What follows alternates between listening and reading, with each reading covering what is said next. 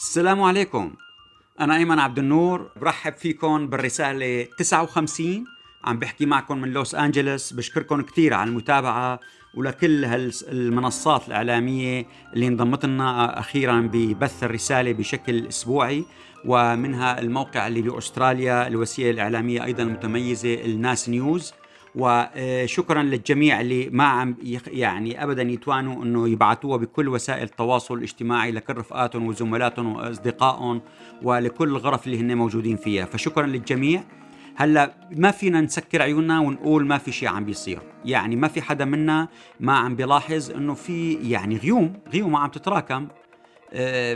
يوم نسمع خبر يوم نسمع لقاء يوم نسمع بتنكشف لقاءات سرية كانت صايرة سابقا يوم بنشوف مؤتمر صاير يوم بنشوف ناس سافرت وتم لقاءات وإصدار بيانات كلها عم بتغير كل ما عم بنلحق أخبار يعني ما عم بنلحق لا نغطي ولا عم نلحق نهضم شو خلفية اللي عم بيصير؟ هالغيوم كلها بالنهاية يعني ما ما, عم بتصير هيك بدها تبقى غيوم وإن شاء الله تكون هالغيوم اللي عم تتكثف يعني ينتج عنها مياه أمطار يعني اللي تع... اللي بنعرفها وليست مياه آه، حمضية فخلينا نحكي عن عن حصة النظام واضح تماما إنه في حراك دولي كبير لإعادة إدخاله وإدراجه في عديد من ال ال يعني الواجهات الإعلامية والسياسية واللقاءات والمؤتمرات. يعني في وضوح أنه الإدارة الأمريكية إدارة الرئيس بايدن عم تعمل على تخفيف التطبيق المتشدد للقرارات المتخذة سابقا وعم تفصل بين قضايا بعض ما يمكن اعتباره بنية تحتية تحت بند التعافي المبكر وفصل المساعدات الإنسانية والإغاثية عن الجهود والعمل السياسي، يعني هذا صار واضح للجميع.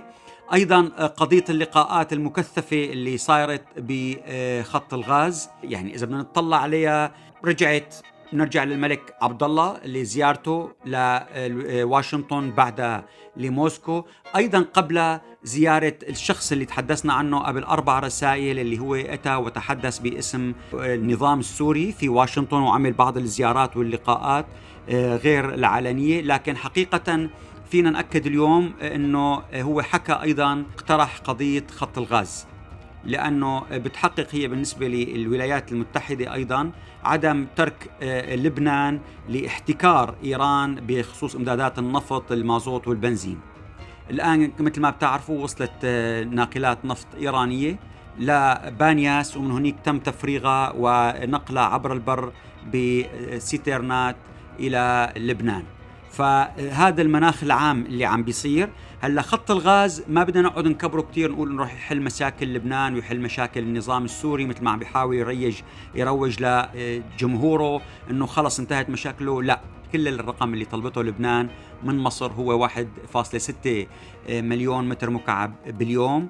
كلهم ما بيطلعوا. يعني آه، رقم جدا قليل مقارنة حتى الشيء اللي كانت تستجره سوريا آه، قبل قبل الثورة السورية من خط الغاز العربي اللي كان 6 مليون متر مكعب. ومع هيك كانت مشاكل كثير بالكهرباء وتنقطع في سوريا. لذلك حتى اليوم في كثير من المشاكل بالنسبة لجرو. اولا لسه لبنان ما عندها اللي بدها تعمل العقود مع مصر من شان استجراره وتشغيله تغيير حتى المحطة لأنه ما عندهم يعني خبرة في إدارة هذه القضايا. أيضا بدهم يتفقوا مع البنك الدولي على كيف طريقة الدفع هل سوف يدفع البنك الدولي مباشرة ثمن ذلك الغاز أم بده يعطي سندات آه، ضمان للبنان ولبنان اللي يدفع ثمنها أيضا الخط الغاز شغال في سوريا الآن من محطة الريان بحمص بيروح لدير علي بريف دمشق.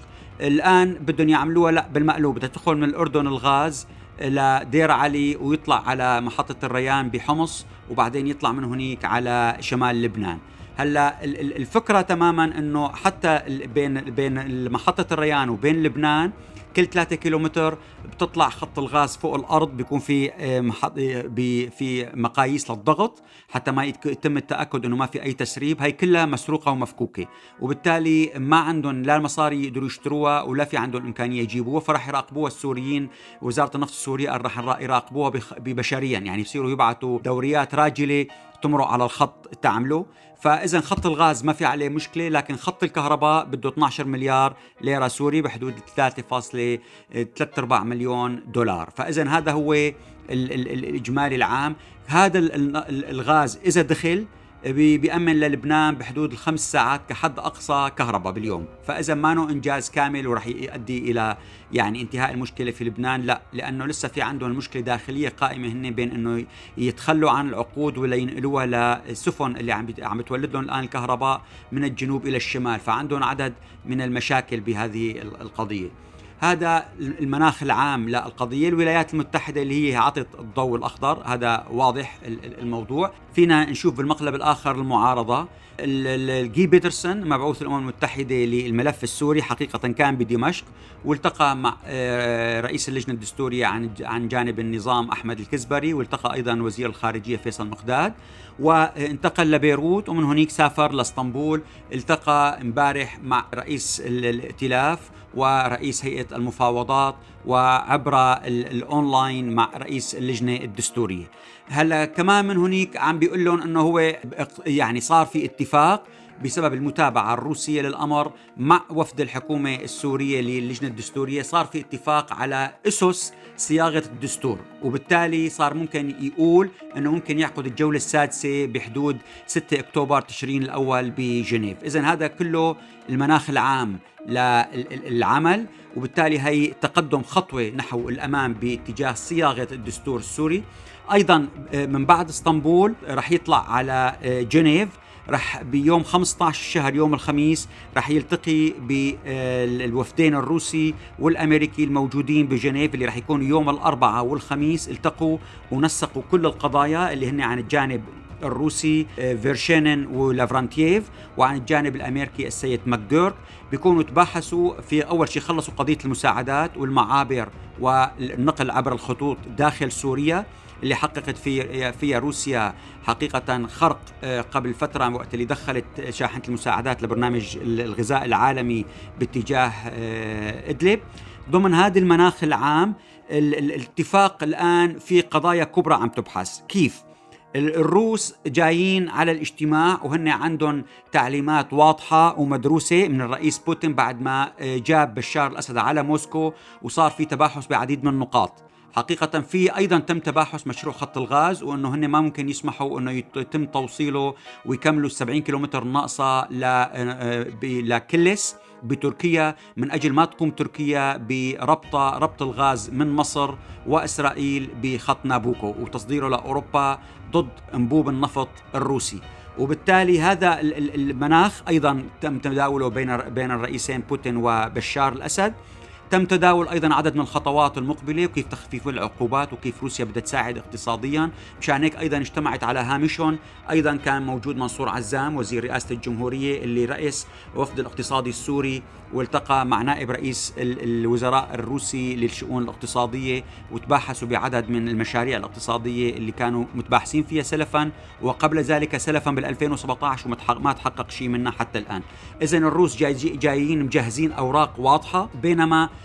أيضا السيد ماكير جاي معه الستا... الورقة الثانية الورقة بطريقة مختلفة.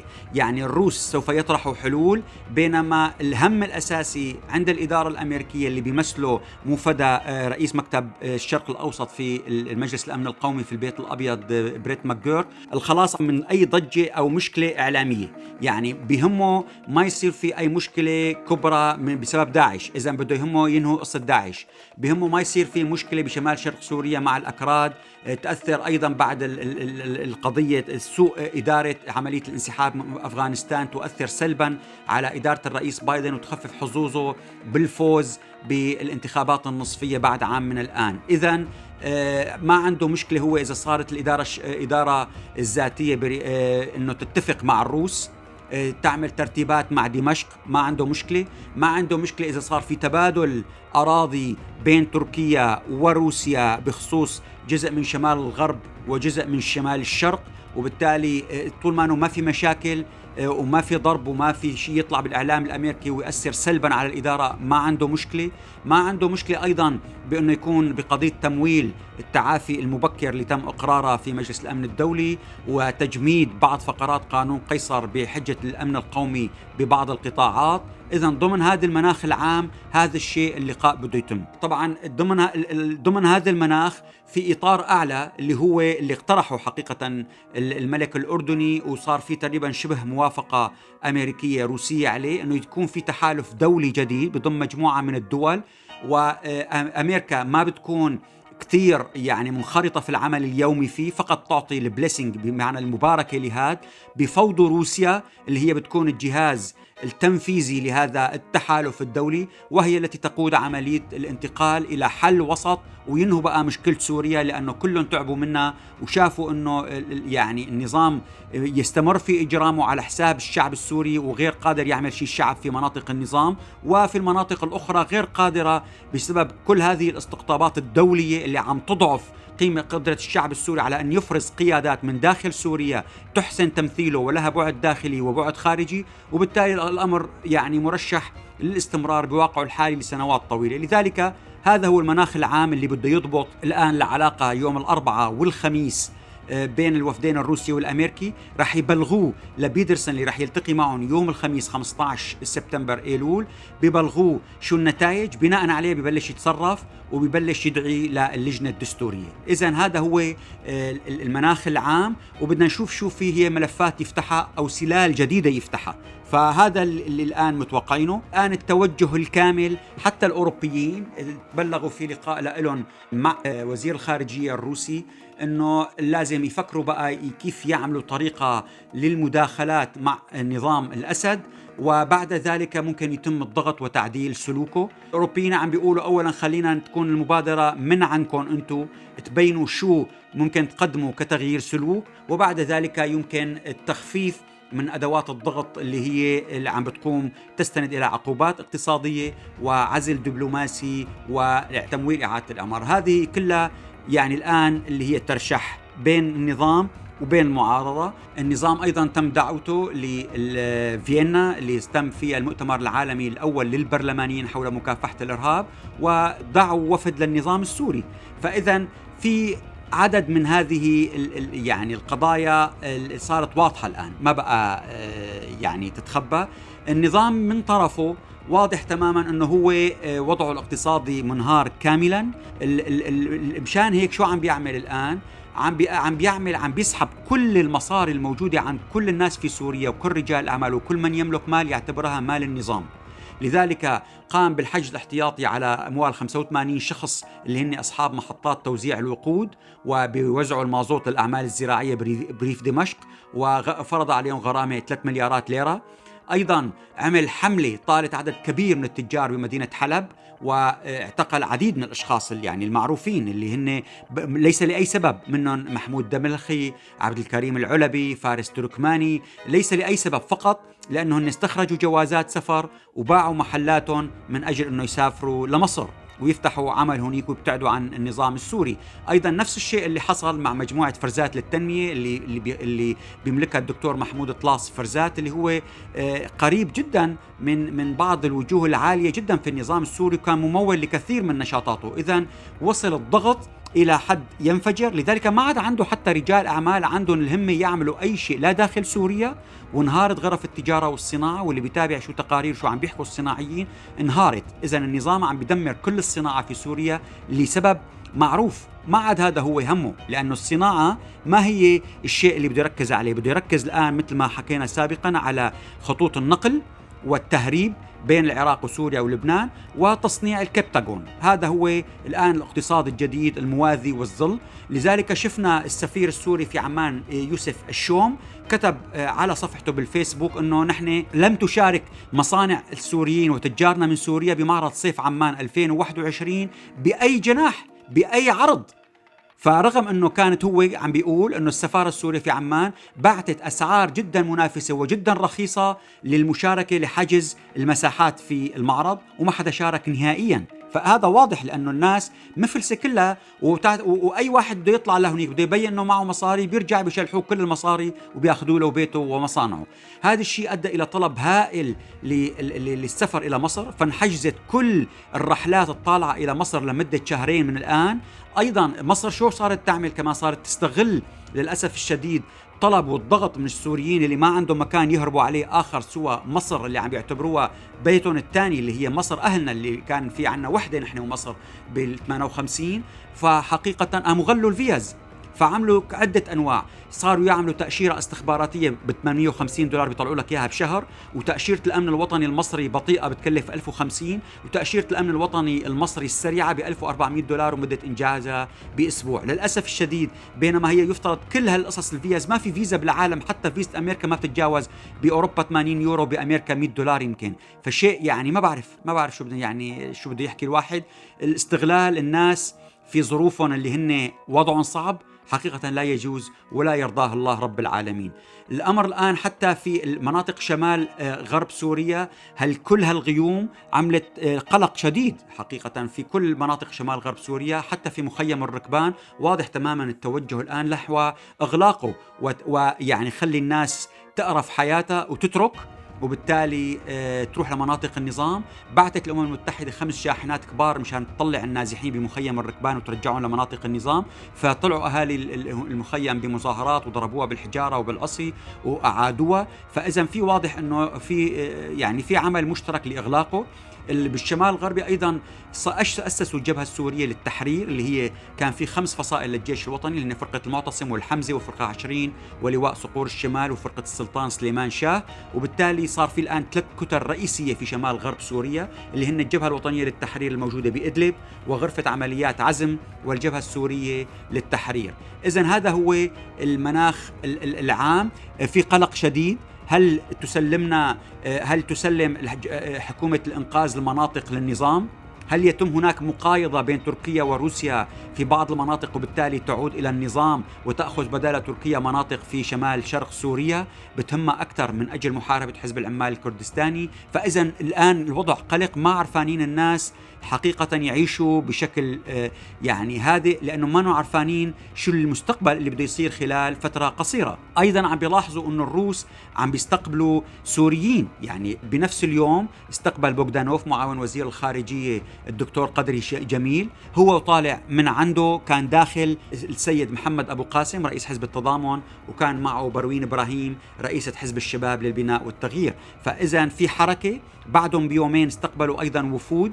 وقبلهم بكم يوم كانوا مستقبلين. وفد لمسد في موسكو والتنسيق جدا جدا كبير الآن بين الإدارة الذاتية وموسكو. وهذا هو السبب اللي عم بيقولوا أنه الرئيس بوتين بالتصريح تبعه قال أنه النظام السوري الآن صار يسيطر على 90% من سوريا أدخل من ضمنها مناطق كل مناطق الإدارة الذاتية أخرجها من مناطق خارج سيطرة النظام واعتبر أنه هي بسبب اتفاقها مع الروس أصبحت تابعة للنظام وقريبا قد يكون هناك اتفاق سري ما وفي شيء صاري. فاذا في شيء يعني آه، بدنا نشوف كيف. وخاصة جاي الآن السيده إلهام أحمد إلى واشنطن مع وفد وإلى أيضا نيويورك.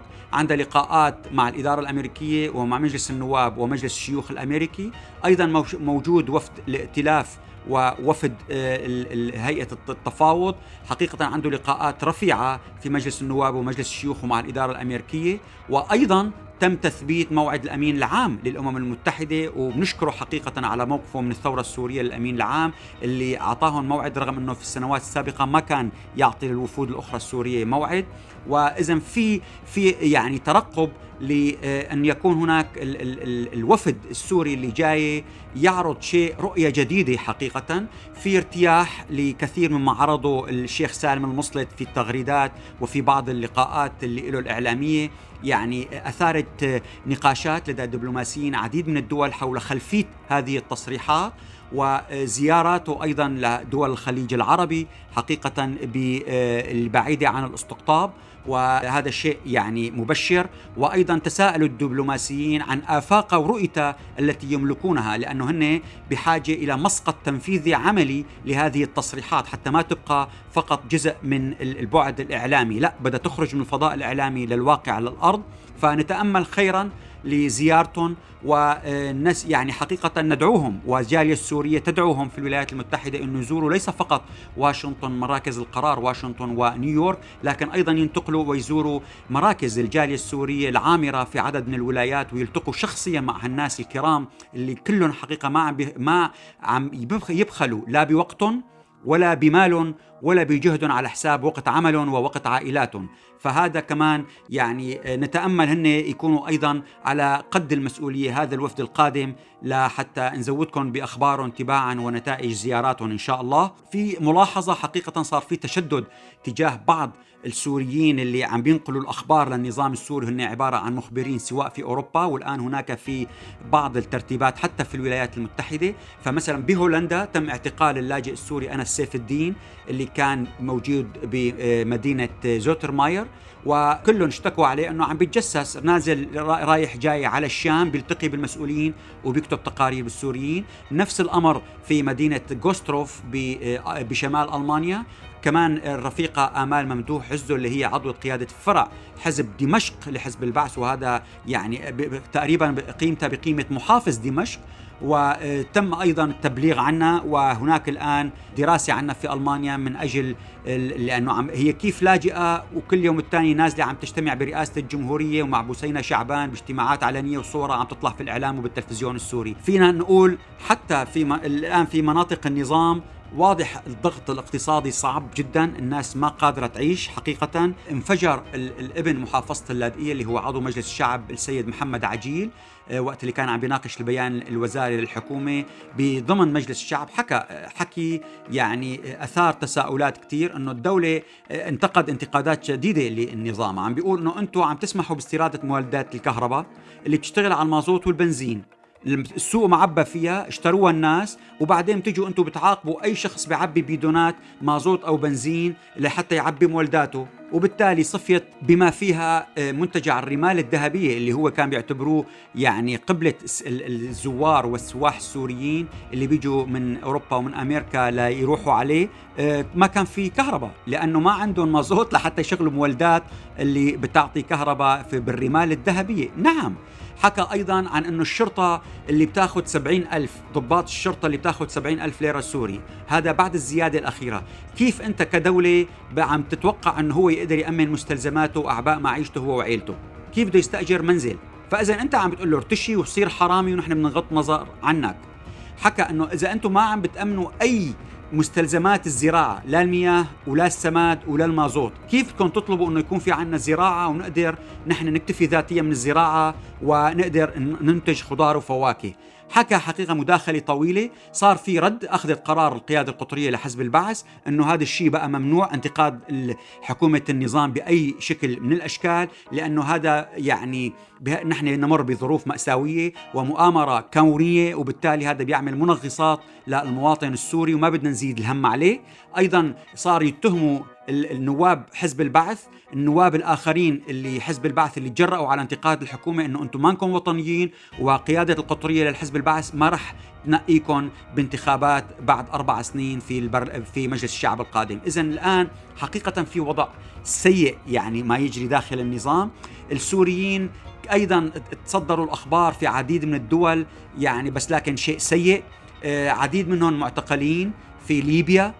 وجزء منهم من أبناء محافظة درعا وحكوا حكي حقيقة تم تسريب صوتيات يعني محزنة جدا لما يجري معهم بسجن غوط الشعال بليبيا اللي عم بيضطروا يدفعوا رشاوي كبيره لحتى يطلعوا. أيضا في ثمان سوريين أيضا من المعارضة مهددين بالترحيل لسوريا من الجزائر كانوا عم بيحاولوا يهربوا لأسبانيا. آه، بلبنان تم اعتقال ست سوريين من امام باب السفارة السورية ببيروت. الآن البارحة تم الإفراج عنهم بسبب وساطة كثير من السوريين من لهم يعطيهم العافية. المحكمة الاستئناف بفرنسا ثبتت الحكم على رفعت الأسد بتهم الاحتيال وبقيمة 90 مليون يورو وصادرت له كثير من الشقق والقصور ومزارع الخيل وبالتالي هي اتهمته بأنه عم يغسل أموال بإطار عصابة منظمة واختلاس أموال عامة وتهرب ضريبي. آه، صار في تحقيق بنيويوركر حقيقة جدا جدا مهم عن آه، العميد خالد الحلبي اللي هو ضابط مخابرات سوري. آه، سموه عملية الحليب الأبيض وعن كيف تهريبه من الأردن. إلى فرنسا بعدين إخفائه في النمسا بعدين اختفائه من النمسا ودور الموساد دور المخابرات الأمريكية دور المخابرات النمساوية دور المخابرات الفرنسية. بتطلع بتلاقي أنه قصة غريبة عجيبة شغل نص العالم ونص الدول بقضية صغيرة مثل هي. يعني حقيقة في مشكلة. تركيا صار في ملاحظات واضحة أنه في تركيز أنه آه، بتصريحه لوزير الخارجية أنه بلاده عم تشهد تعاون مع المفوض السامي للأمم المتحدة من أجل عودة آمنة للاجئين. وأنه هي عم تشتغل من أجل إعادتهم وخاصة إلى سوريا. وضمن هذا المناخ العام تم رفع أقساط الجامعات الحكومية التركية للسوريين. فبعد ما كانت فقط 300 800 ليرة تركي يعني بحدود 35 ل 95 دولار أمريكي بالسنة رفعوها مباشرة ل 30 ألف ليرة تركي يعني حوالي 3550 دولار لكلية الطب و950 دولار للهندسة. وبالتالي في كثير من السوريين الموجودين في آه، تركيا ما عندهم الإمكانية بقى إنه يتابعوا دراستهم بعد ما رفعوا الأسعار. وبالتالي كأنه عم بيقولون روحوا كملوا دراستكم أو اسكنوا في شمال غرب سوريا. هذا هو المناخ العام بين مناطق المناظام والمعارضة. صار في تحقيقات ويعني مالية مع السيد رجل الأعمال السوري محمد عزت خطاب اللي هو كان بيعتبروه الصديق السوري للرئيسين الفرنسيين ماكرون وأولان. وهو كان يعني كان في مفاجآت إنه بيطلع مع صوره مع آه، آه، مع آه، أنجيلا ميركل مع بنيامين نتنياهو مع ملك المغرب محمد السادس مع مدراء كبار في إسبانيا والأمم المتحدة مع ائمه وكهنة وحاخامات كبار على مستوى العالم. وما حدا بيعرف لا خلفيته ولا كيف صار ولا كيف عم يتصور مع هدول الناس. الآن هو يخضع لتحقيق مالي بسبب قضايا فساد مالي وأخذ أموال بدون أن يردها هذا هو المناخ العام. فئة الناجحين خلينا نقول آه، محمد سعود الدكتور هو طبيب بالعناية المشددة آه، جدا ناجح بلندن. عملوا عنه تحقيق بالإعلام آه، عن نجاحه في مكافحة كوفيد وكورونا. السيد السوري رامي ترجمان حاز على بطولة النرويج بكمال الأجسام وحصل على الدرجة الأولى. صحيفة ياني شفق التركية احتفت بالمثقفين السوريين المهجرين بالمنافي وعددت بالاسم السيد نوري الجراح والدكتور أحمد برقاوي والأستاذ العزيز إبراهيم الجبين وموفقات وتيسير خلف شكرا جزيلا لكم.